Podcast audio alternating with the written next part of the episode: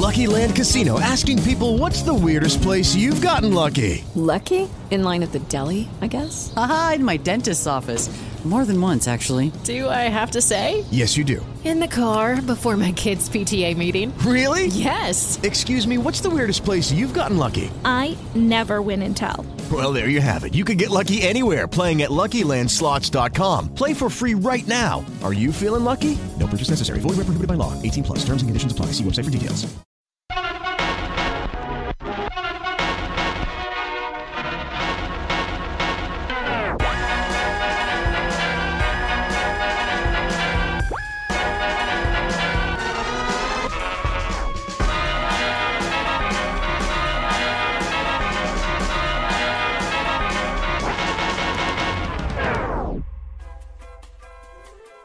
Welcome to the latest episode of Doing It with Mike Sacks. My name is Mike Sacks, and you are doing it with me. We have a wonderful episode today. I interview one of my favorite writers, George Saunders. We talk politics, and I usually don't like talking about politics, but with George, you can talk about anything, and he'll make it interesting. We talk about fiction, and of course, we talk about his amazing new book, Lincoln in the Bardo. This is his first novel, and it's fantastic. Buy it now. And also an interview with comedy writer Miles Kahn, now working on Samantha Bee's great show Full Frontal, and previously from The Daily Show. Before that, however, I want to address a rumor that's been going around these past two weeks. And the rumor is this that in a previous life, this is before I became a writer, before I became a podcaster, this was when money was tight and my morals were looser. I worked as an actor in porn films. The rumor is true, but I never was a fireman or a cowboy or an astronaut in any of these movies. No, I play really odd characters with very unsexy professions, totally inappropriate for porno films. This was a big fetish in the late 1970s, 1980s, and even into the early 1990s unsexy professions in porn films. I'm not sure why, but this was my specialty. I'd like to now play for you a few excerpts from these movies. The first is from a movie called Sewage 77, sexy title. It came out, of course, in 1977 when I was 36, and I play Rhodes Reynolds, an environmental protection agency inspector going door to door, helping to investigate excess sewage runoff. Here is a clip. Hello, my name is Stark Reynolds, and I was currently in the neighborhood going door to door. Hello there. Thank you for stopping by. I was doing nothing but cooking a pie. Do you like pie? Yes, yes, I do. What flavor? Apple. I love the way the fruit sticks to the roof of your mouth when you eat it steaming hot. Yum. That sounds delicious. May I have a slice? Why, of course. Follow me, please. Now, before I give you a steaming slice of my apple pie, may I ask what business you are involved in? Or is that too personal? No, that is not too personal. I am an environmental inspector for the local government, specializing in sewage runoff in areas with highly dissolved oxygen rates. May I sit on your lap as you show me what you do? Yes. What is this pump for? This pump or, or that pump? This pump. This pump is for testing the fecal matter in underground storage facilities that have a tendency to pool beyond the acceptable runoff rate of 23 PCMs per cubic yard of arable soil. And this stick? This stick or this stick? The shorter stick. This stick I use to insert into holes. Deep holes? Sometimes, and other times not so deep. It really depends on how much fecal matter is evident in the runoff drains according to County Regulation 354A. But sometimes other runoff is also evident, like raw sewage caused by the dead animals that clog storm drains. Would you like a slice of my pie? Metaphorical or apple? Apple. Yes, ma'am. My next clip is from a movie called STDs or FUN. I play a hospital patient named Johnny Ray who hooks up with a very sexy female doctor who specializes in sexually transmitted diseases that then affect the brain. This is from February 1981 and it's from Sunshine Films. Nurse, I have been waiting for you. For how long? A long, long time. The bandages are starting to itch, and I am unable to scratch the skin beneath them by myself. Do you think you might be able to help me? I can try. Here, let me lift up this bed sheet. Ooh, that feels nice. The cool air on my sweaty skin feels fantastic. Are you a nurse? No, I am not. I am a doctor. A woman doctor? You are very pretty to be a doctor. Thank you. I have many specialties, but my main specialty is making men feel good. That sounds like a specialty I would like to be a part of. Can you make me feel good? I can try. Here, please lift up your pants. There, my pants are up. What do you see? I see many things, like this, Ooh, and this. ooh. You are squeezing hard. I like that. What kind of doctor are you? I am a urologist specializing in diseases of the bladder and urethra tract, such as renal paracrimal disease. Is that all you do? No, I also have a subspecialty. I like that also. My subspecialty involves sexually transmitted diseases and the ramifications they might cause on the neuromuscular system if they are not treated immediately. Could you treat me immediately? Yes, I would like to. You are dying of kidney failure. Also, you have a very bad case of venereal disease. Thank you. The last clip I like to play is from 1987. I play a part time worker at a failing small farm who performs horrible and odd jobs that no one else wants to perform. Here I am, I was 57 at this point, and I am playing a character called Louise Riches in a film called Makin' Hay. Hello. I was just out riding this horse across the field bareback. Are you a cowboy? No, little lady, I am not. Are you a fireman? No, ma'am. I am an illegal alien specializing in jobs that no one else wants, such as assisting farm vets in shaving down horses. Do you work without your shirt? Sometimes, and sometimes not. Yesterday, I worked without my shirt when I helped trim the hair around a horse's testicles in order to tattoo an ID number for security purposes. Like this here horse, all high and mighty and strong? This horse that I ride like a bucking bronco? Yes, little lady. What else do you do? Oh, lift large objects onto the backs of other illegal aliens, clean spittoon buckets, hose down blood, sometimes vomit, other things too. I bet you have a large penis. Yes, my penis is large. Large penises are nice. Thank you. And that's a plus because I bet your job requires a very large penis. Will you help me down from this horse? Yes, milady. Please step upon the spittoon bucket. Okay, thank you. Have a nice life. Ooh, sexy.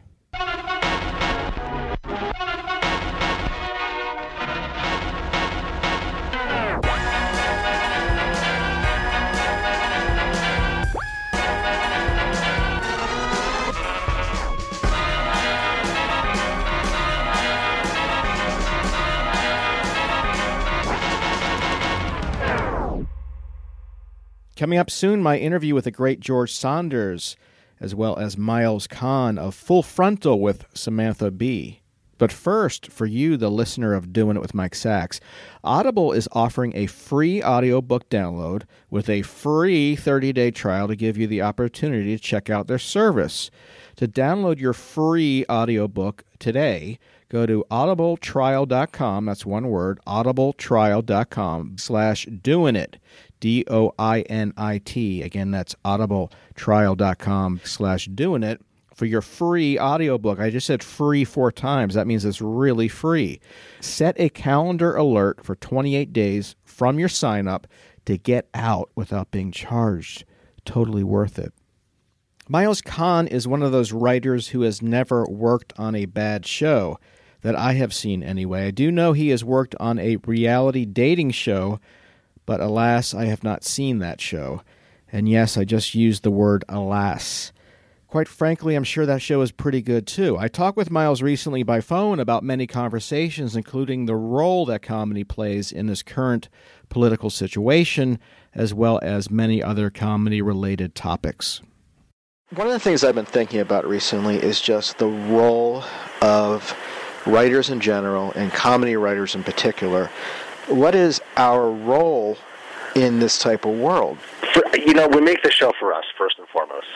And I, you know, Sam says that a lot, and and I, I agree with it. Like at the end of the day, we are sort of doing it for us. Uh, once in a while when there's like when we make a difference like when we we raise like over six hundred thousand dollars for planned parenthood by selling nasty woman t-shirts uh that feels really good that's that's like that's not nothing that's something when we did a, a segment on how uh, rape kits were being shelved and destroyed uh, in Georgia, and there was a bill that was going to be passed to make the situation worse. And uh, we didn't completely take credit for it, but our segment helped get a little news attention for it locally there in Georgia, and they, you know, they they passed a bill that said they would have to keep these rape kits. So you know, like there are some small victories that that that happen, and that's really really nice. Um, and I think after seeing what happened, protests around the country because of the Muslim ban, because of the travel ban, um, protests work. Being loud works, and we have to keep this energy up. And we have to keep yelling and screaming and making points and writing comedy and writing jokes and writing commentary, whatever you do to, to, to make your point, comedy or otherwise we just have to keep doing it. You can't you can't give up. Was there frustration on your part that you made your point over and over and over again, and then the vote comes and the vote goes, and there had to be some sort of feeling like, who are we appealing to, and will this ever will this get better or worse? I, there's definitely there was a ton of soul searching. Uh, uh, just in our office alone, after it happened, we I think we we had thought that that people kind of saw the danger of of what they could vote into office. And we, you know, as much as we we certainly I think supported the Democratic candidate, uh, we also went to went to went to length to explain how she's a flawed candidate, how she wasn't a great candidate, but she was the smartest person in the room, the most stable person. So I, you know, we we we made our point. We put ourselves out there. We we we made a choice. We our POV was very obvious. The Daily Show stays much more neutral at least they, they did when I was with them for 10 years. And I appreciated that. Uh, but then I appreciate this new angle. I appreciate that we, we spoke our we spoke our feelings really clearly. Um, I, we're not going to stop doing that. We hope that more people will listen. I don't know. Not that many people knew we were on the air last year, still in this show. Maybe more people will get to hear us, and we could change some minds. I don't know. Ross, what's Ross, whatever his name from the New York Times wrote this article this op-ed uh, that's saying that uh, liberals was like liberal Samantha Bee problem, and he squarely blamed uh, uh, Trump's uh, rise on us. That you know, liberal liberal media is is they're doing this danger by separating us into bubbles, and they're they're not reflective of the other America, and it's just we're reacting to the news. We're not creating the news. So I, right. I really the, the more extreme they get, the more extreme you have to be reacting to that extreme. A little bit. I, I we have to match their volume somehow. I don't know if extreme is the word I would use, but we we have to match their volume and scream facts at them. And it's really, really hard because nobody believes. The more the louder you scream facts, there's confirmation bias. So we're always fighting that. Like, there's nothing we could do about confirmation bias. It's a it's a thing that exists in nature. And the more that you scream facts at someone who doesn't believe your facts, the less they believe your facts. So at the end of the day, yeah, we still struggle with like, ah, who who's our audience? Who are we talking to? Are we changing any minds? But at the end of the day, it's like we just have to keep doing what we're doing. It's what we know how to do. And if it's cathartic to you to listen, if it changes your mind, if it gives you new information, if it inspires you to go protest, if it inspires you to go out, what's heartening to me, uh, what keeps me going is that I, I we see on we see on social media so much of like people wearing the nasty woman t-shirts and people saying, "Hey, that information really inspired me to go and look at stuff." When we did pieces on Russia, and we were ahead of the curve on Russia, I'm really proud of uh, the reports we did there. People, people, I had no idea what was going on. So even people that were would share our values or share our ideals or our politics, we were at least giving them some new information, at least giving them some new stuff. So when they do go to Thanksgiving and they start arguing with their drunk uncle, they could hopefully have something good to say to counter.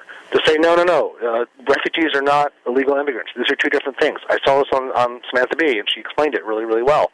And then he hears the word Samantha Bee, and he goes, that liberal cunt, and then and then he doesn't listen anymore. But at least that person feels as though they've gained some knowledge in the argument. Right. Well, you know, I, it's it's an interesting thing. I mean, th- what you say about facts. You know, it, if someone, be it a drunk uncle or whomever, doesn't believe in facts, no matter what you say, is not going to affect them. and, and that's not our audience, and we don't we don't cater to those people. Like we're we're we're actually really not. We're like there's nothing we could do. It's not who we're speaking to. But here's the thing, too. I mean, for for comedy to work, you have to have a solid wall, right? You have to have something to bounce off of. If if you if your reality isn't our reality, isn't a sensible type reality where where facts don't matter, how can you make a Republican or someone who watches one of the conspiracy shows? How can you make them laugh? I, I don't think I, I don't know if we will. I, what we're trying to do, at least this year, uh, uh, we're trying to embrace people who and reach across the cultural aisle, and we did it with Glenn Beck. And we still don't love. We don't love what Glenn Beck has done recently. I think he's said and tweeted and, and had some horrible ideas.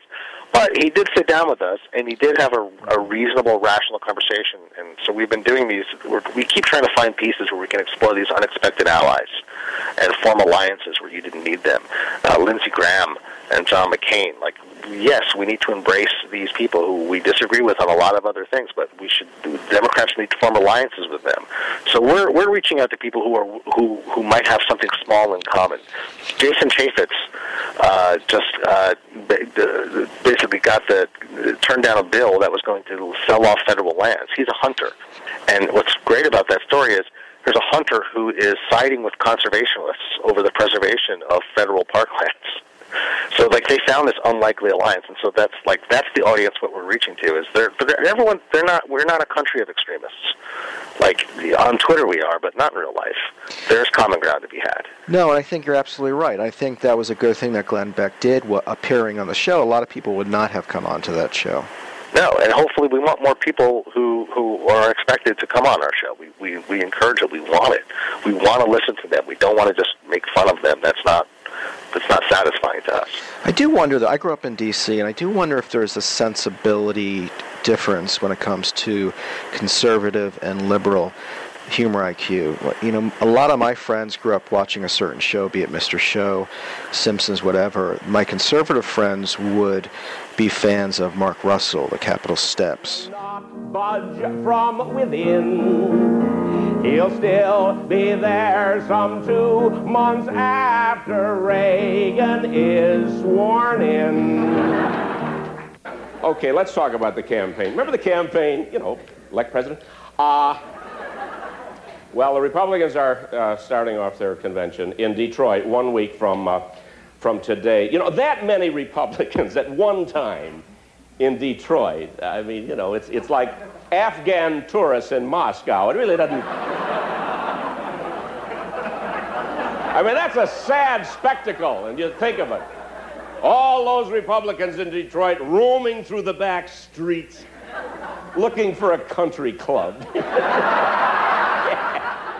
Oh, really? Yeah. The guy, the guy who sings, that guy. That the guy who's writ- written 5,000 songs that all sound alike. It's so bad. Eh, Are there? So bad. It's just, it's, I, I, I'm such, I'm just, I'm, it's like objectively terrible. It's not funny. Well, that, that's just it. To them, it's funny. So I think there's two, you know, there's a way of looking at the world where you're, where you're liberal, and there's a way of looking at the world if you're conservative. But I think that that sort of bleeds over into humor. Yeah, may, uh, perhaps. I don't know. I, I don't know why. I don't know why there's there hasn't been a successful conservative Daily Show. They've certainly tried it.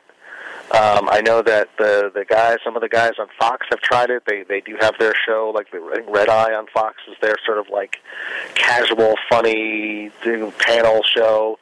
Uh, and I think liberal. By the way, liberals are really easy to make fun of. Like it's it's this is not fucking rocket science. Like they are, and I'm including myself in this. Very very mockable. Mm-hmm. They do, they trip over their own dicks time and time again. Uh, so it really should be really easy to make fun of liberals in a way that it's not just you going fucking libtards. Like that's what I get on Twitter. They, I just get like you're a fucking snowflake, and I'm like, well, that's not clever or. Like, fine, Right. yes, I'm a snowflake. Yes, I have feelings. I'm sorry, but like, that's not clever. Like, make fun of me in a way that's clever. I'll retweet it. like, like I'll appreciate it. But Well, exactly. I mean, it, it seems to be more anger based than creative based, from what I've seen. maybe, maybe I'm not sure. Can you be conservative and be a top comedy writer? I don't know any. I don't know any like staunchly conservative comedy writers.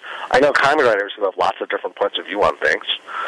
You know what I mean? Like I don't, but I don't know like someone who's like an ideological like conservative. And I think that's the difference. Is like a lot of our writers. Yes, there's some people who are super progressive. There are people who liked Bernie Sanders in our office a lot, and they fought with the people who liked Hillary Clinton in the office a lot. We weren't like a monolithic. We don't, won't think monolithically, and I think that for the conservative movement, sometimes there's like this sense of like of of, of this is what we believe. And I think as a liberal, you have to be open to different points of view, and that's a weakness and a strength. You know what I mean? Like the conservatives have this strength of just their their lockstep in motion, and it, that's a very powerful thing. And liberals, because they're like, I want to understand your feelings, I want to understand what you're saying.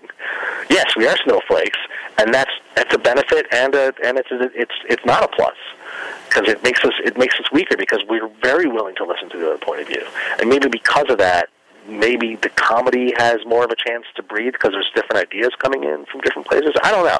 I'm speaking out loud, and I haven't really thought about. No, I think you're right. I, but when you say detriment, I don't think it's a detriment as far as uh, humor. I, it may No. be a detriment otherwise. Oh no, no, yeah, no. I think it's an advantage as far as humor. I think it's a it, it can be a detriment as far as like policy.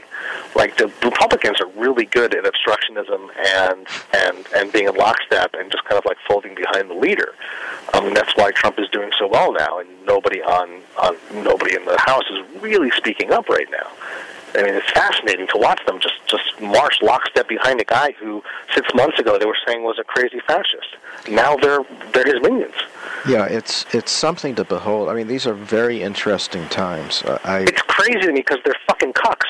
it's like the word that they use for liberals. Yeah, yeah, right. I'm like, you guys are a bunch of pussies. Why you stand up to this guy? well, everything they criticize liberals about, they're now criticizing. Uh, you know, They, they're- they're, mad, they're mad today because Pelosi called uh, Bannon a white supremacist, which A, he is. B, they're mad that she called him a word. You fucking pussies, grow up. I thought political correctness was done. And now you're offended at the word white supremacist? Fuck you, you Well, fucking exactly. cucks. Like, like I, I just all I want to do is take. I've taken the word cuck back because I love it because it's so ridiculous. But like, I say it a million times a day because I, I don't think they realized how funny that word was. like that's the problem. Like to me, it's hila- it's a hilarious term. It's so funny to me that that was their meanest insult. So you're a cuck. or what they're And- saying as far as the Supreme Court. I mean, it's exactly what the Democrats were complaining about. Uh, you know, eight, seven, eight months ago. It's just it just goes around and around. It doesn't seem to have any grip, any any traction. It, it's it's, No, no, we don't know where this is going to land yet, and that that's the scary part. And uh, I've had I've had family members say I'm overreacting because I I work I work in this field and I watch news and read all day, and this is like my life is in this, and I'm like I've been doing this for 12 years. I was at the Daily Show for a while. Uh, I've never felt anxious before in my job. I've never felt like, oh wait, we might go to war. Like there might be a nuclear war in my lifetime.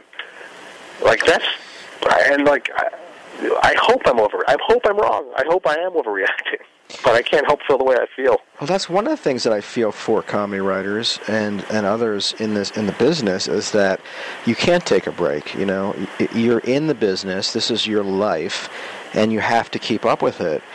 And I think that at times you almost mentally need a break from thinking about it all day. I mean, I've been dreaming about this stuff. I'm not making Yeah. myself out to be a hero. It's just I think other family members who are in other occupations have the uh, opportunity to maybe take a week away from it and just rest their mind and put themselves at ease a little bit. Perhaps, yeah. I yeah, I don't know. I like I don't want to be wrapped up in thinking about this all the time. But then I, you know, like I woke up this morning and the first thing I, I do in the morning is a terrible habit is turn on my phone and check Twitter. And it's just like one, like, oh, I missed this terrible news item. Oh, look at this. Oh, we just insulted Australia. That's why did we do that? What's oh, whoa? Okay, Black History Month. We fucked that up. Like it's just like this all happened in the time I was asleep. So, but then I'm like, I filled my anxious quota for the day, and then I go to work and I'm just pissed off all day. But what's interesting, I sort of see it in the eyes of the really young who have never really been a part or have been cognizant of, of someone who's in power who doesn't quite grasp what's going on. It can be really scary, and I think a lot of people have grown complacent over Obama's years in the fact he was just so on top of it, and we felt so safe. And now you see this unsteadiness, and it's, it's really worrying. I remember we we interviewed uh, Masha Gessen. She's a she's a Russian journalist, um, and she had to leave the country uh, uh, just because she had too many threats against her life. And she talked about how like Putin's been in power for 16 years, and the children who grew up in that era they don't know that it's they don't know that it's not normal to live in an uh, autocracy. Wow. They don't understand that. So, like I was telling my friend, is a he's a public school teacher, and I'm like, your kids, do they? They're in high school. Do they understand? Do they have any sense of the gravity of any of this? Are they concerned? It's like they nothing. They're just kids. They don't know. So they're going to grow up in a world. And by the way, he's uh, Trump. Oh, Trump is going to be elected again. Let's just guaranteed. Um, I'll make I'll make that prediction here.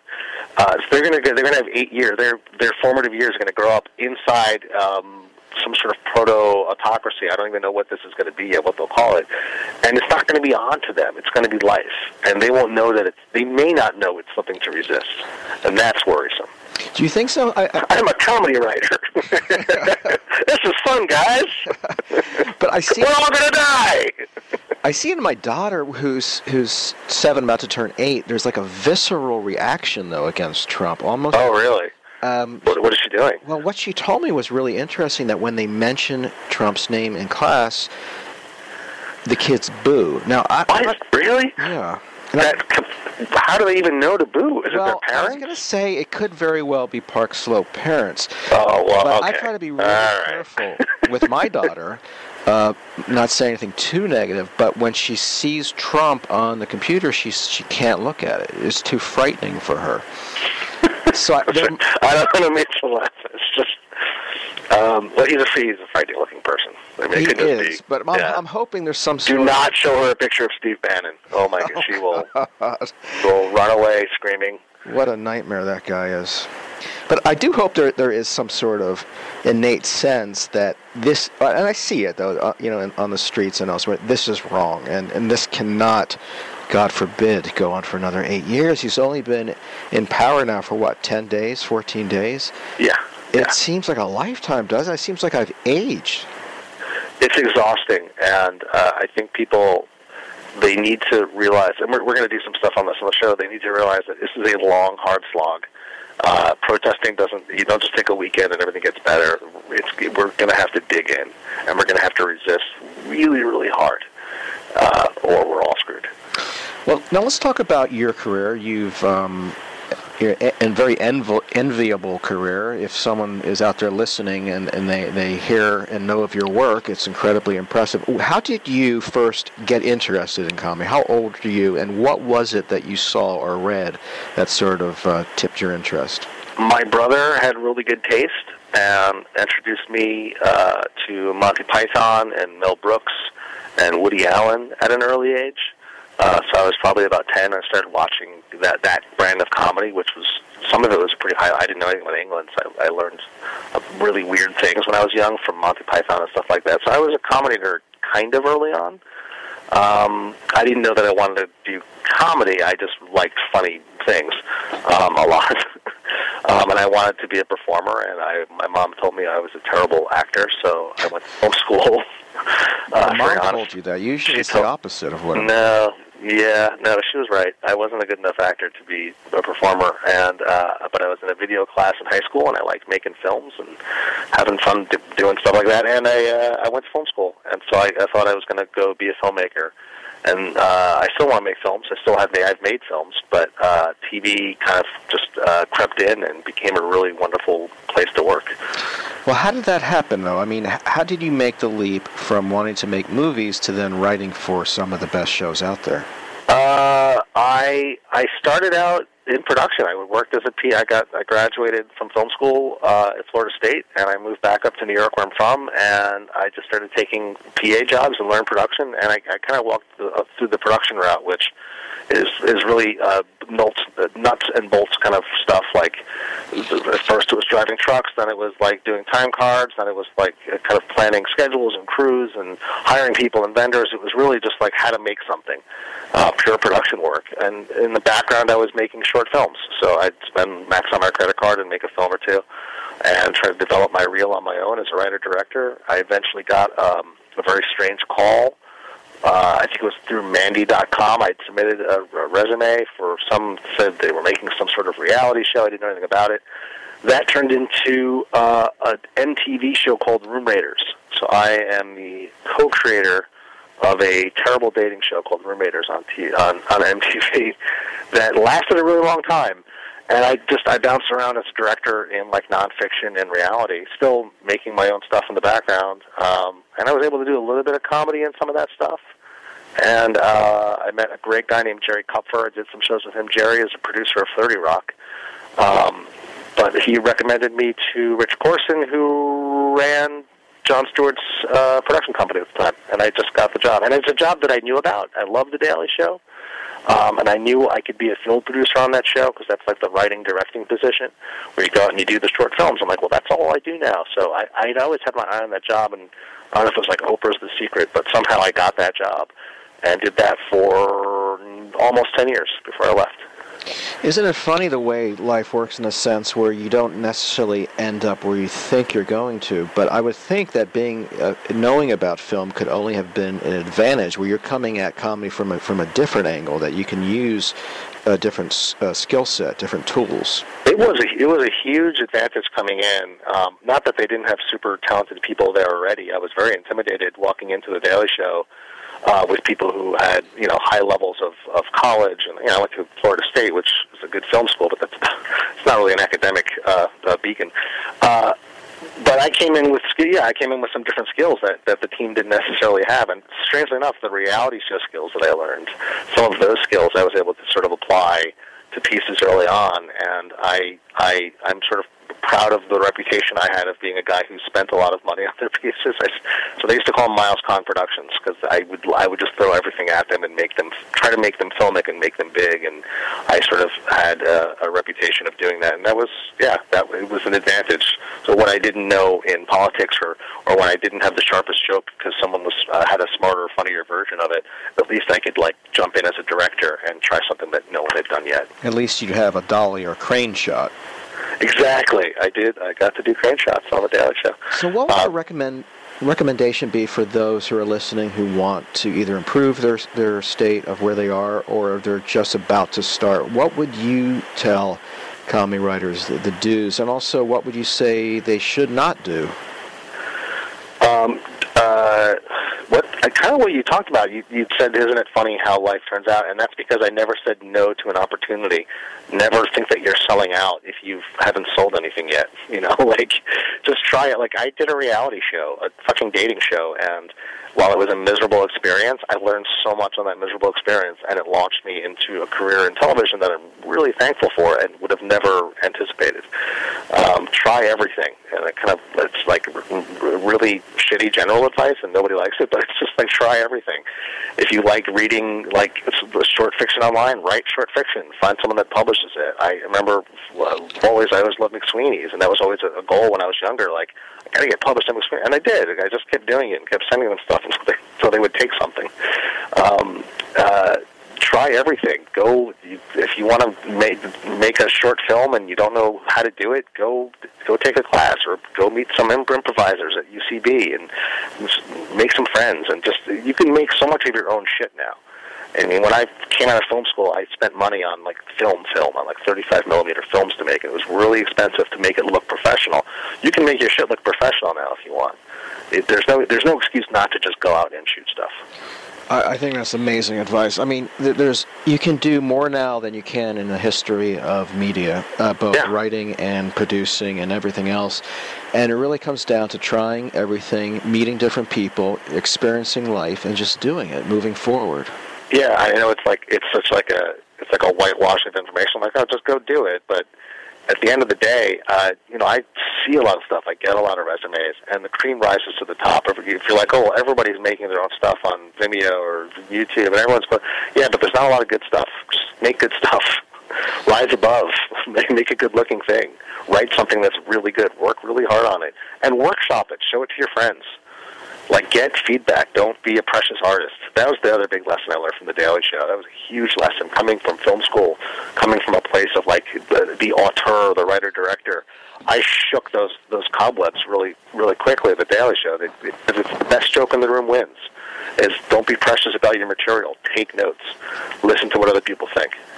Right, that was a mistake that I made when I first graduated. I was too insular. I didn't have others around me.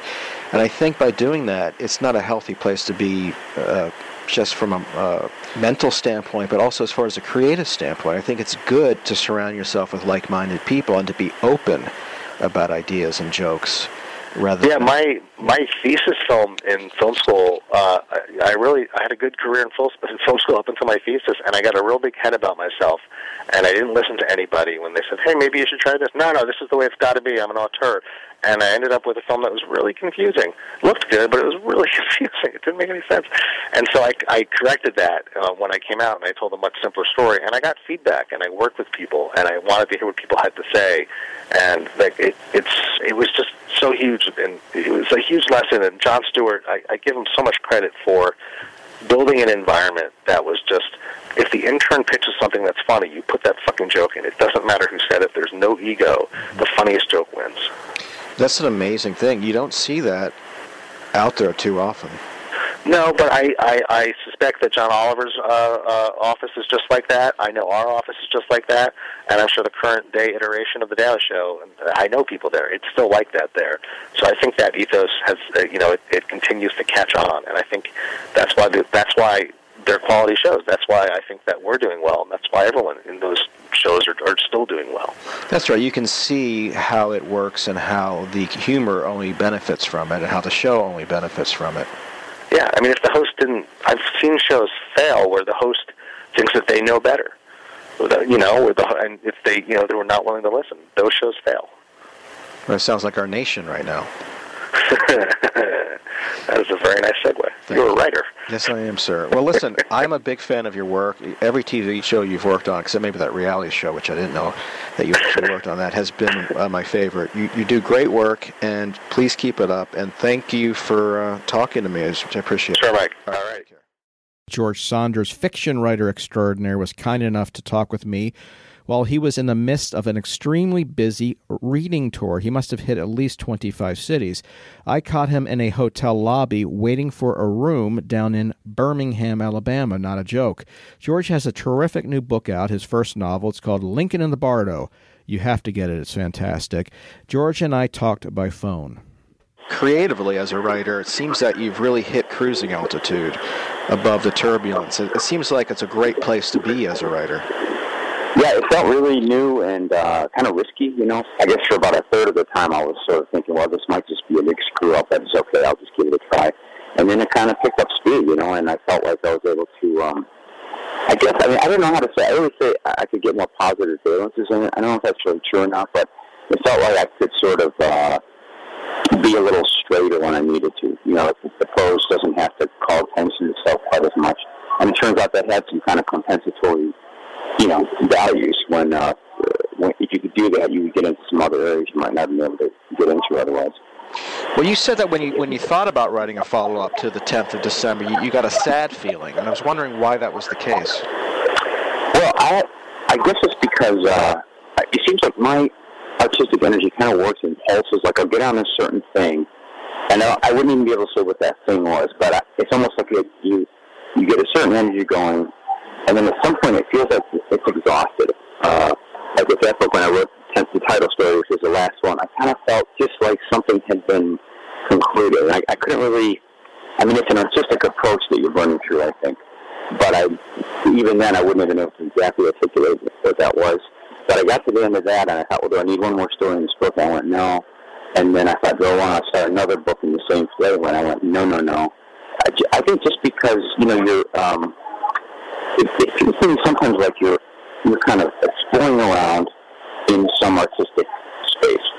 Uh, something happens. You you know you, you kind of almost like get the scent of something that you're interested in. You're right. You're right. You're right. You're right.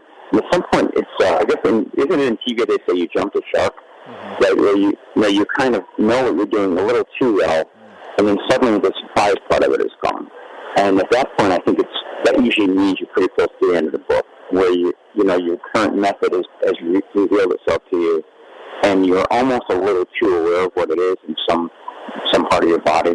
So um, with all the short story books that happen, like I get about a story away from the end and go, yeah, after that one, I'm gonna take a break and you know wait for the next direction to, to take hold. So uh, I, I finished that one and uh, kind of turned my mind to even starting another story, and I just didn't really feel like that. I felt like uh, somehow I'd inevitably repeat myself, and um, that had played out that you know that exactly. So then, luckily, this Lincoln thing was around, and it was so different that it was uh, kind of a no-brainer to, to give it a shot.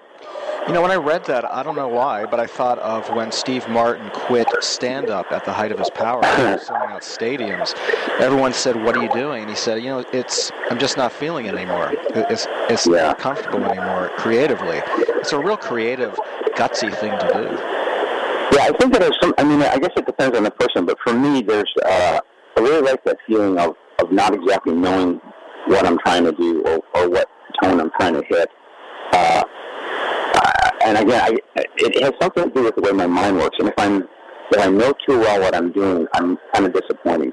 Uh, you know, if I'm able, if the uh, the material lets me over control it, I tend to squeeze the life right out of it. Whereas if I'm a little bit baffled, or if somehow, like with this Lincoln book, uh, the material is hard enough for me that I kind of have to pick up a different form that I don't know how to use that's kind of where I get the most energy going. It's, almost like if somebody was really at his best when you just dropped them in some strange city and made him try to find his hotel. You know, like if, if that brought out certain qualities in him that were likable, uh, then then he would do well to just sort of be dropped into different cities now and then and not you know not necessarily have a plan.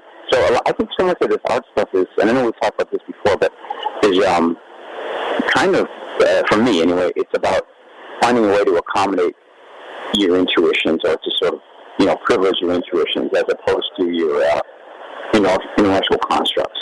So a lot of the, for me, the project selection mode has to do with uh, almost trying, trying to find something that will that will put me a little off step, just so I can't uh, predict myself too easily, something like that. But it wasn't a new idea, right? You said that you had this idea for two decades.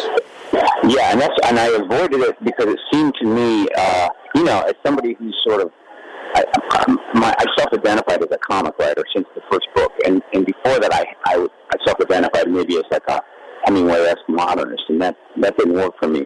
So when I made the jump to consider myself a comic writer, it was kind of like, you know, a big commitment, and I felt like, okay, that's it forever. Uh, so then, I, when I first heard that Lincoln idea, I was like, that's not a comic idea. That's not, that isn't funny. The gentleman seemed lost. Several times he stopped, looked about, retraced his steps, reversed course. He was softly sobbing. He was not sobbing. My friend remembers incorrectly. He was winded. He did not sob. He was softly sobbing, his sadness aggravated by his mounting frustration at being lost. He moved stiffly, all elbows and knees. Bursting out of the doorway, the lad took off running toward the man, a look of joy on his face. And, and I think what happened is over the years, I, I, I kind of deconstructed what comic meant. You know, in the early days, it just meant that maybe something like the reader and I would share the idea that this world was purposely askew and a little bit, I don't know, maybe a little bit lower than ours, and we were going to do that for deep reasons. Uh, and then over the years, somehow that just shifted a little bit, and and, and I think in, in many ways I kind of added some some some moves to my repertoire or something. So when I got to this book, suddenly I, I kind of figured out a way to do it that was comic uh, in a different way. I will be brief. Jane Ellis. I doubt it. Mrs. Abigail Blass. Mrs. Blass, please. Everyone will get a. Once at the Christmastide, Papa took us to a wonderful village festival. Ugh. Please don't crowd. Simply stay in line. All will be accommodated. She yips and yips and must always be first in all things. How? Please tell me, does she merit such. You could learn a thing or two from her, Mrs. Blass. Look at her posture. How calm she remains. How clean her clothing is kept. Gentlemen, if I may. So, in other words, I, I've been reading from this book. Uh, you know, and when I try to read individual sections, it's hard because there aren't the kind of the jokes. You know, you, you can read whole sections and not get any laughs, and the, and the, the purpose is purely descriptive, and it makes me really nervous. Actually, somebody who's always tried to read my funny stuff out loud, but uh, somehow, you know, letting myself go into that mode, I think it's let me find different kind of comic writing. Uh, maybe I, again, I'm not I'm not too articulate about it, but there's something about maybe uh, the, the individual sections not being comic, but the juxtapositions of high and low being comic or something like that. So in some ways, it was just a way of trying to find a, a different way to use the same little energy puddle. What's interesting is it's such an old idea, and it took you a while to get it. But now that it's out, it seems so of its time. You know, with what's going on out there, it's just such a perfect fit. It was really lucky because we originally we could have put it out in the fall, but we we very cleverly delayed it because of the election. Literally, little did we know. You know. On our wedding day, I was 46, she was 18. Now I know what you are thinking. Older man, not thin, somewhat bald, lame in one leg, teeth of wood, exercises the marital prerogative, thereby mortifying the poor young. But that is false. That is exactly what I refused to do, you see. Yeah, and I felt like it was really, um, for me, you know, when Trump won, and I was like, oh my God, you know, what, what can I write about this? I kind of felt like I did it. I, I did it, and, and luckily I had four years of wealth of, you know, peace and calm to, to do it, you know. You know, in reading the book, it r- reminded me of that Greil Marcus quote about old, weird America. And how, how weird it still is. This is such a young country, you know, that magical things could happen, but it didn't take place that long ago, you know. Yeah, I have a feeling that all of our, our tidy history uh, book ideas about, you know, American virtues or American simplicity are all just, uh, you know, sort of a, a result of some radical editing. Because you go back and read the Civil War correspondences and uh, the sort of deep history of that time, and it was crazy. I mean, every bit as crazy as now, and vice versa. You know, it's just sort of the the facts come down, get tidied up, and it looks like we knew what we were doing. But I, I think it was mayhem then, and uh, and actually, you know, very similar to now in that there were two sides that had somehow gotten so entrenched that they were working from completely different uh, thought systems. So, you know, when when uh, you, you had a southern senator caning a uh, northern senator almost to death in the Senate, you know, and and uh, so so yeah, I think I think for me that's kind of the the working model is that every time has been equally insane. And some, some have been lucky in that they were quietly insane, like maybe the last 10 years of our country. Uh, but, you know, if you ever spend any time contemplating human consciousness, you even, even in the form of one fictional character, uh, you know, you, you can see that civilization and civility and all that, those are like real conditional. They're, they're really, uh, you know, so, so easy to, to lose when the fever broke in the early 19th century, it was it broke through war. But the question that I have, and I'm sure a lot of people have, is how is this fever going to break now, and will it break? Yeah, it's, I don't. You know, the truth. I, this is something I somebody like a uh, control freak like me has trouble saying that I just don't know. I, I don't think anybody knows, and we're all scrambling to, you know, sort of auto plunge it because the anxiety of not knowing is so terrible. But I don't. I I the only thing I've heard that makes sense to me is since we're not really geographically divided, outright war becomes kind of difficult. And I and I actually think you know uh, maybe I'll take a more hopeful stance. I, I I've noticed this when I went to the Trump rallies, or you know when you go to a ball game or a mall or whatever.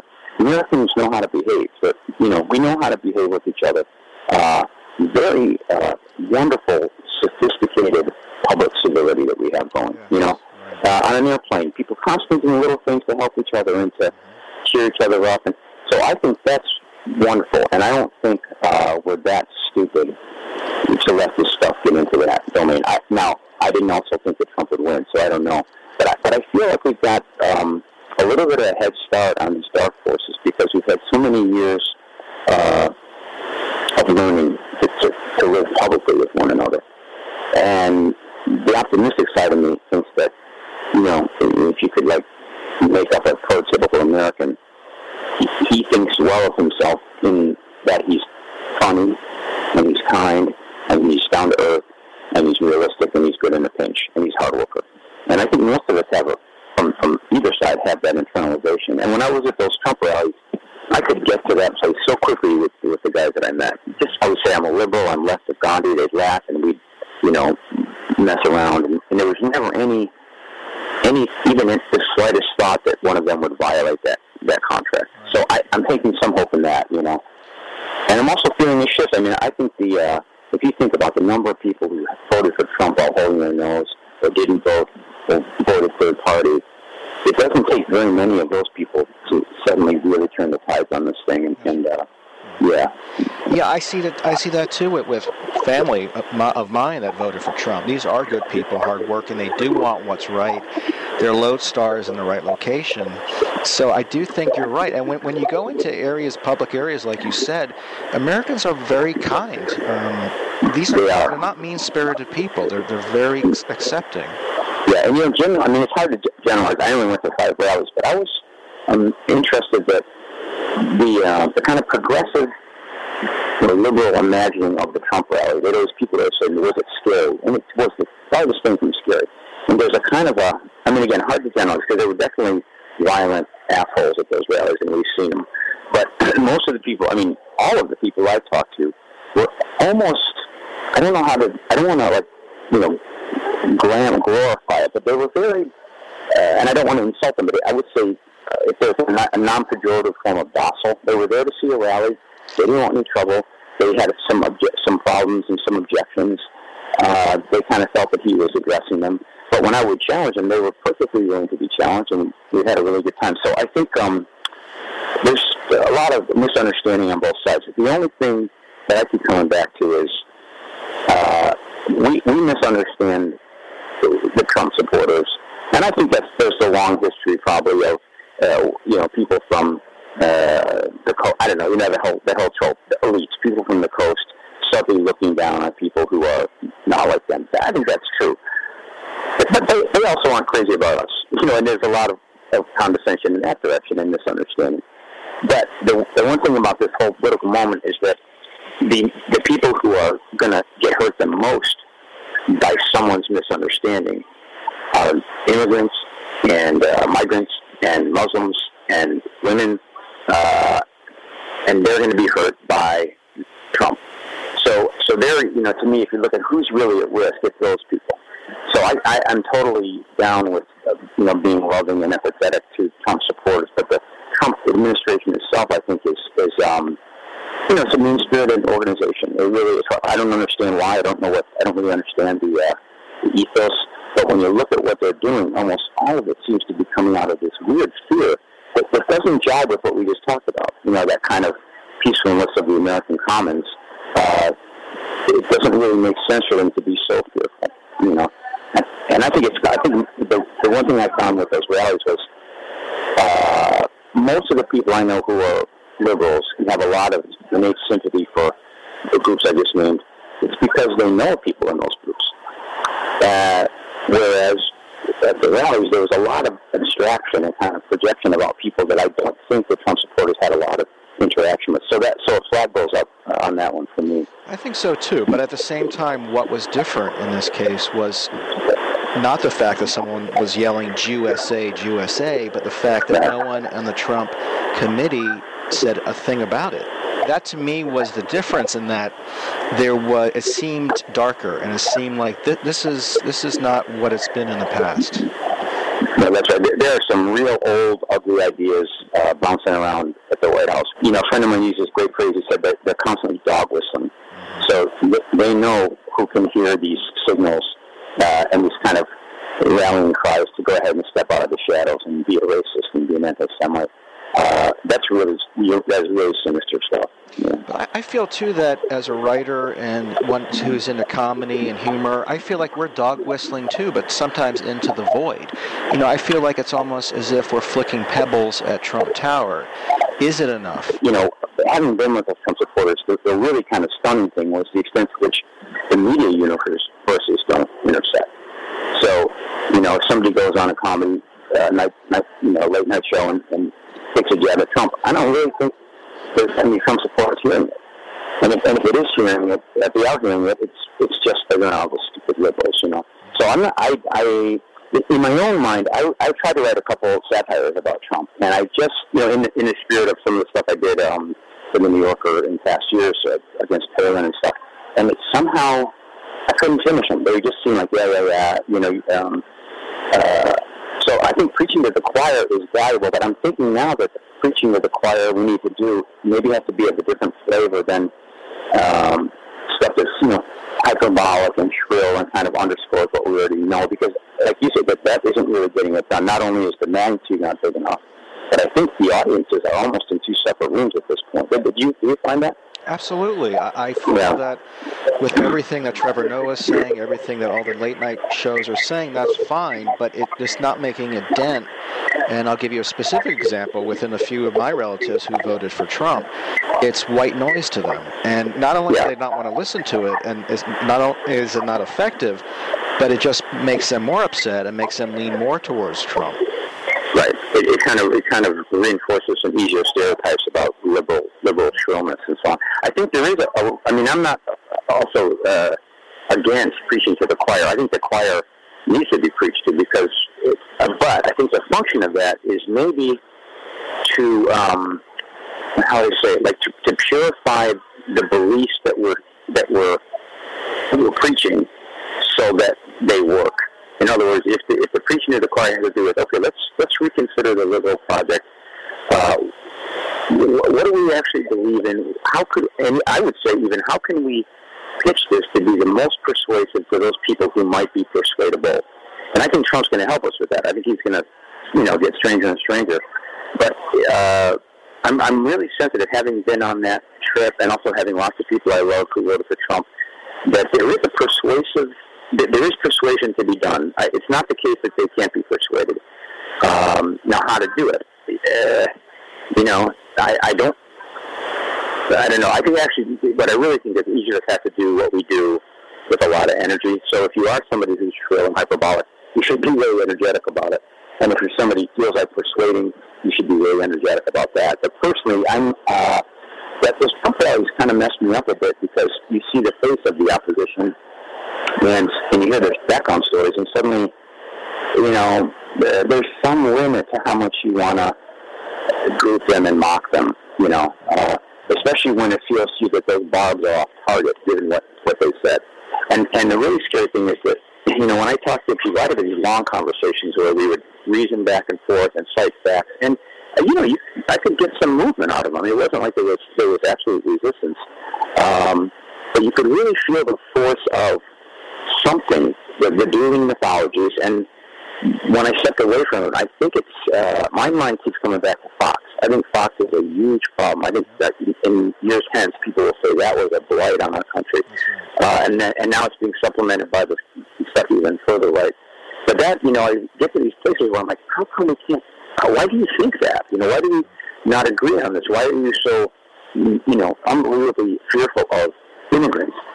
And you know, all, all roads lead to to Fox and, and right wing media. So that's a, kind of an interesting thing. Because that's in some ways, I don't know if it's solvable, but it's certainly it can certainly be deconstructed. You know, uh, I, I don't know, like media, media literature and so on, or literacy and so on.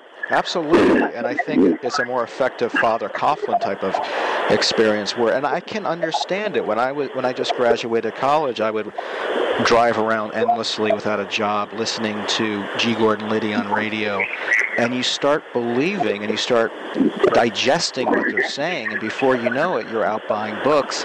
uh, conspiracy theory books about Watergate, about this, about that.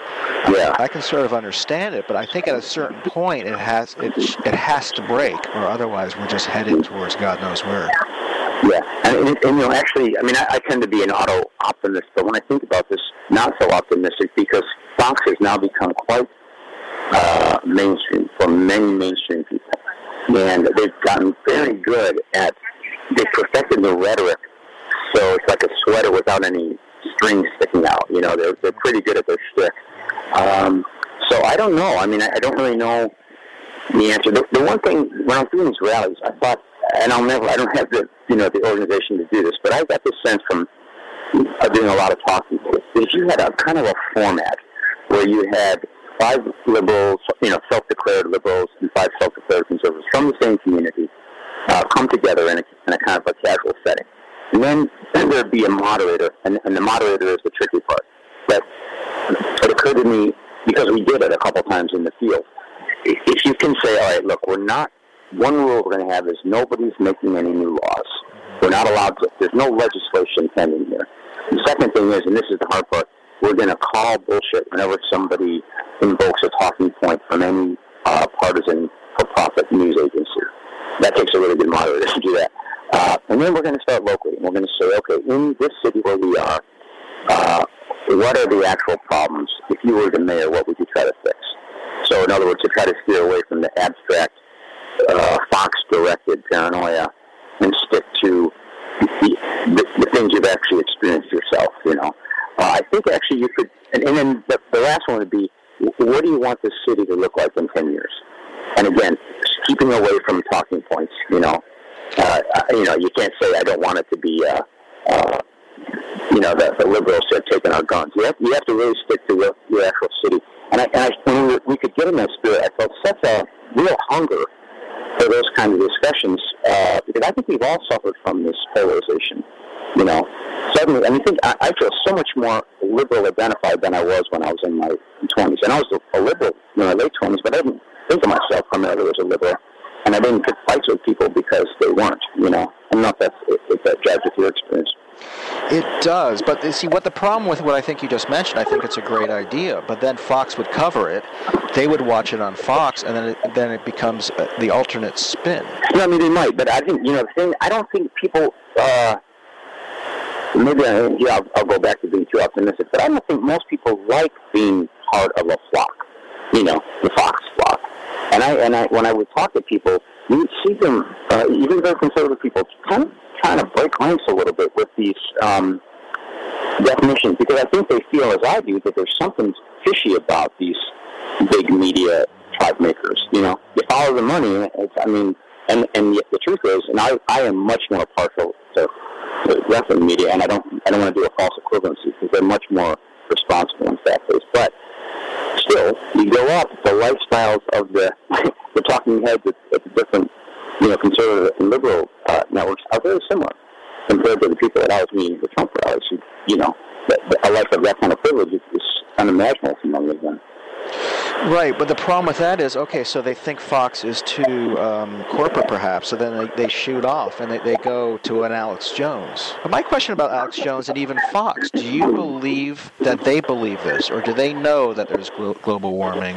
Do they know that there's a problem, and then it just comes down to money? I think they believe it, but the believing is helped along by money. you know, I mean, like if you if your whole night's life is is you know coming out of a certain uh, view that seems correct to you or somewhat correct to you, and you're constantly going on having people praising you for speaking the truth and so on. I think it's sort of a, a self self reifying system. You know, I, I uh, yeah, I I think it's both. You know, I think I, I don't think they could be so sinister as to fully not believe it, but. Uh, yeah, I don't know. I'm not sure about that one. You know, last time we spoke, you, you told me something I never forgot about how you, you talked about how your stories don't take place in the future so much as in a sort of parallel America where everything is 20% more than it is now. So this was four years ago, and I'm just wondering what 20% more of now could possibly be. Yeah. Uh, yeah. Well, honestly, I don't know what I'll, I don't know what to do. I never really know how to how to start. And I I know one thing: I never, never, never uh, think of myself as addressing what's happening now. It's almost like a conscious decision to turn away from whatever might be current because that that activates a kind of a shallow part of my mind. So if I kind of go, well, let me just almost purposely turn away from that. Whatever uh, whatever needs to get in the story will get in there. I mean, in other words, if I was at a loss, I would write a story about a bunch of items on the table. You know, a fork, a knife, and a salt and pepper shaker who can talk. I could do something with that. And whatever was on my mind or whatever was within was in the atmosphere, I guarantee it would find its way into that story if I rewrote it enough. You know, so in some ways, it's a great little uh, dodge. I don't have to really worry about it. What I have to do is absorb it and kind of, you know, be, be as much a part of it as I can be and then just trust that it'll somehow percolate into whatever is coming. Right, but no matter when a story takes place, now or in the future, you also said that irony is just honesty with the volume cranked up. But everything is cranked up so high now. So what is honesty anymore? And how how hard do you have to crank it up? You know, man, I, I actually am coming around to the thought that maybe we we want to be a little careful about getting too, uh, you know, not not too concerned. But I mean, I, I have a friend who, uh, you know, I called her, her to about this situation, and she's older. And she said, yeah, it's a terrible time. But I also remember uh, that the eight-month period during which Dr. King and uh, RFK were shot, you know. So I think in some ways the other thing that uh, I, I would counsel fellow professors is that we want to not um, overdo it in, in terms of uh, underestimating our ability to rise to the occasion. So, you know, the world has always been thus, and people have always been confused. I think we, we're coming out of a blessed period where, probably for people of our generation, we never really had uh, our beliefs tested very much, actually. You know, I mean, when I think about myself at 8, 20, 30, 35, there was never any particular urgency to my belief system. You know, I had it, and I was developing it through real life, but never once did uh, you know, the, was, was the idea that kindness was a virtue tested. So never once uh, did I have to really think about how to um, accommodate somebody I cared about who had what seemed to me a repellent belief system. But it's not the first time in history that people have had to do that. So I think, you know, in a sense, we're kind of spoiled we, on both sides. We, we've um, we've had our belief systems and we've espoused them and all, and we felt good about having them. And now suddenly, shit is cracked, you know. And and so I, I think my, my tendency is to say, oh, okay, so, you know, uh, love thy neighbor, still true. You know, love thy enemy, still true. Uh, God, you know, how do how does that done in, in the in the present moment? And uh, but you know, in some ways it's kind of exciting because it, it's uh, you know, what it's when an untested virtue is not a virtue. So maybe uh, the testing ground, you know. Yeah, I feel the same way. I, I, I, don't. I think we, we grew complacent, or I grew complacent over the years, where we had it we had it good. And what I think what's going to be interesting too is seeing how comedy and literature changes with those coming up now with Trump. You know, a lot of yeah. current generation came up with Obama, but I'm really fascinated to see, especially from women and minorities, how in five to ten years their sensibility was formed by the Trump era. Yeah, yeah. You know, the one thing that I, I kind of fall back on, comic fiction has always been about human foibles. You know, it, it, it, it's actually the highest level stuff I think has never been directly about politics. So you think about Gogol or Twain uh, or Confederacy of Dunces. You know, these, these things have always been about human beings, their essential tendencies. So maybe, I'm telling myself, right now we're just getting uh, exposure to uh, a kind of human tendencies in extremis but that's great. You know, now we know more about human beings than we did during that spoil period. So we should be able to, to, to use it. Now, I don't, I can't imagine it right now, but I think, um, you know, it's kind of like if you lived in a, a country where no one got very sick, and you wrote novels about that country, and then suddenly there was a cholera outbreak. outbreak. Well, you know, same tools, and uh, yeah, so I think I mean again, I'm not making this as a policy statement, but as sort of a self-comforting mantra that uh, know. But it is interesting because in cultures that are in crisis, like the the Russia of the Russian Revolution, uh, literature definitely went nuts for a while, and and uh, and then of course they basically eliminated it. but yeah, it'll be it'll be interesting. But here's a question too: when during the craziness of the early '70s, when you had a Michael O'Donoghue with National Lampoon doing slash and burn type of comedy, such as the Vietnamese Baby Book, I don't think that would be accepted by the left now. I think I don't think it would be as effective anger-wise as it was then, and I'm wondering what sort of slash and burn would work now. Yeah, I don't know. Good question. Uh, the only way we could solve it individually is just by getting in there and wrestling with it, you know, by wit. Uh, and so to me, it's like if you fully expose yourself to what's happening, don't deny it, don't try to appreciate it, uh, let it come into your body basically, and then you go into your writing room and you use good, whatever good writing habits have served you in the past. I have a faith that that'll be okay, you know, because in a certain way, you know, what does art do? It, it provides a kind of a uh, very sometimes obnoxious comfort to people at a particular moment. Uh, and really, high art pr- provides that comfort to people at every moment, theoretically. So, so it, in, as long as there's someone who needs to be comforted, art is there to do it. So, so I think, and I can guarantee we're all going to need a lot of comfort. Uh, so I think I think it'll be okay. I do find, you know, when I'm, I'm doing a lot of talks right now, and people are so hungry to talk about this stuff, you know, and it seems to me, from what I can tell, the tone that's making them more satisfied is a softer, not softer is not quite the right word. It's a more, uh, hmm, it's not, it's not sarcastically slashing trumpet. That's, that, they've seen that. That's not, you know, they can get that anyway. They can do it themselves. But it's some kind of acknowledgement of the actual complication of the moment, which includes everything. It includes the fact that many of us love people on the other side. It includes that we can actually see some virtue in the lower middle classes, rebellion. All the, it includes the, how hurtful the Trump movement is. But I think that the movement I'm feeling in people's hearts is that they want to actually not turn away from any of that stuff and some, come to some kind of accommodation with the whole the whole thing. Uh, and when you get on something that even hints at that, you can feel the room light up with energy. And it, you know, in one of my moments, if I descend to cheap comedy those are kind of like, yeah, yeah, yeah. You know, those are interesting. Well, I think that's one of the reasons why you're so popular is that you're an incredibly decent person, and that decency comes through in your writing. And I think you're absolutely right. I think being ironic and being sarcastic is is will only get you so far, and it really does come down to a goodness that people want and need uh, that'll take you into the future. Yeah. Although you know, it might also. Be, I, I I believe that actually. Uh, well, I believe that for my function. I also think that you know guys like Colbert and Seth Meyers and uh, Trevor Noah are doing something very important too, which is calling bullshit at the highest level. I mean, so it, there's nothing that says again that a person function in his or her own mode, and I think that's the one thing I'm taking away from talking to people is that everybody's got a different. You know, it's like a superhero team. You know, if you can if you can make yourself invisible in a moment of crisis, you shouldn't be trying to start yourself on fire. You know, you should make yourself invisible. So that that's another thing to say. There actually isn't any one path right now.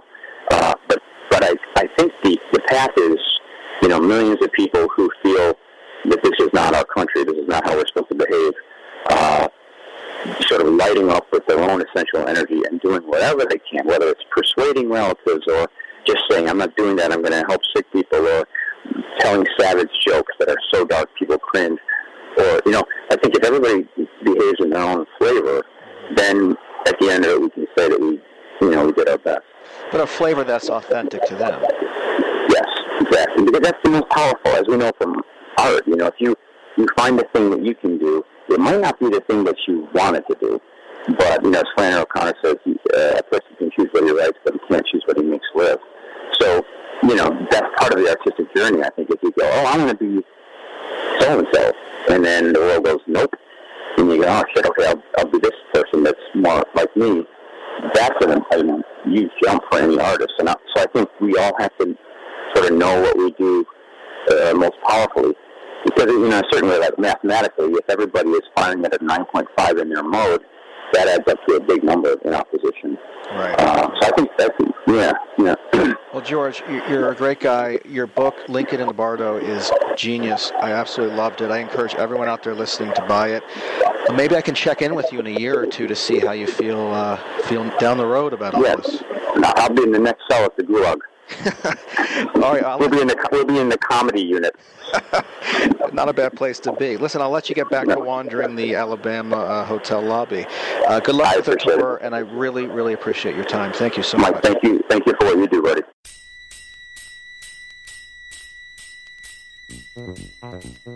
Okay, that's it for this 424th episode. Can you believe it? 424 episodes of doing it with Mike Sacks. Here is a highlight from the upcoming podcast.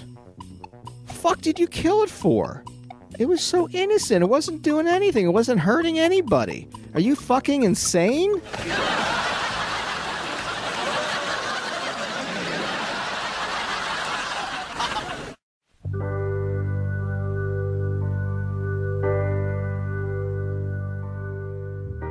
I appreciate you joining us. I really do. I look forward to seeing you all next week, especially you, the one who's not listening. I'd like to thank a few people, namely the great George Saunders, for talking with me by phone from a hotel lobby in Alabama.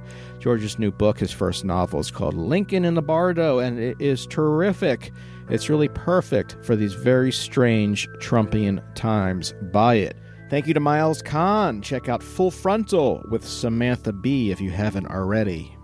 Rob Schulte for producing, editing, wrangling everything. You can reach Rob at robkschulte.com. Check it out. Sam Peach, thank you for your marketing and artistic skills. They are wonderful. You can see Sam's incredible work on Instagram and Twitter at Odeath Creative and on Facebook and Tumblr under O Death Creative. That's just the letter O. You can reach me. I love emails at mikesacks.com or at doingitwithmikesacks.com. So until next time, I think you know what to do. Why are you shaking your head? Every week we go through this. Do you not know what to do? Okay, I'll remind you. Keep your feet on the ground and keep doing it.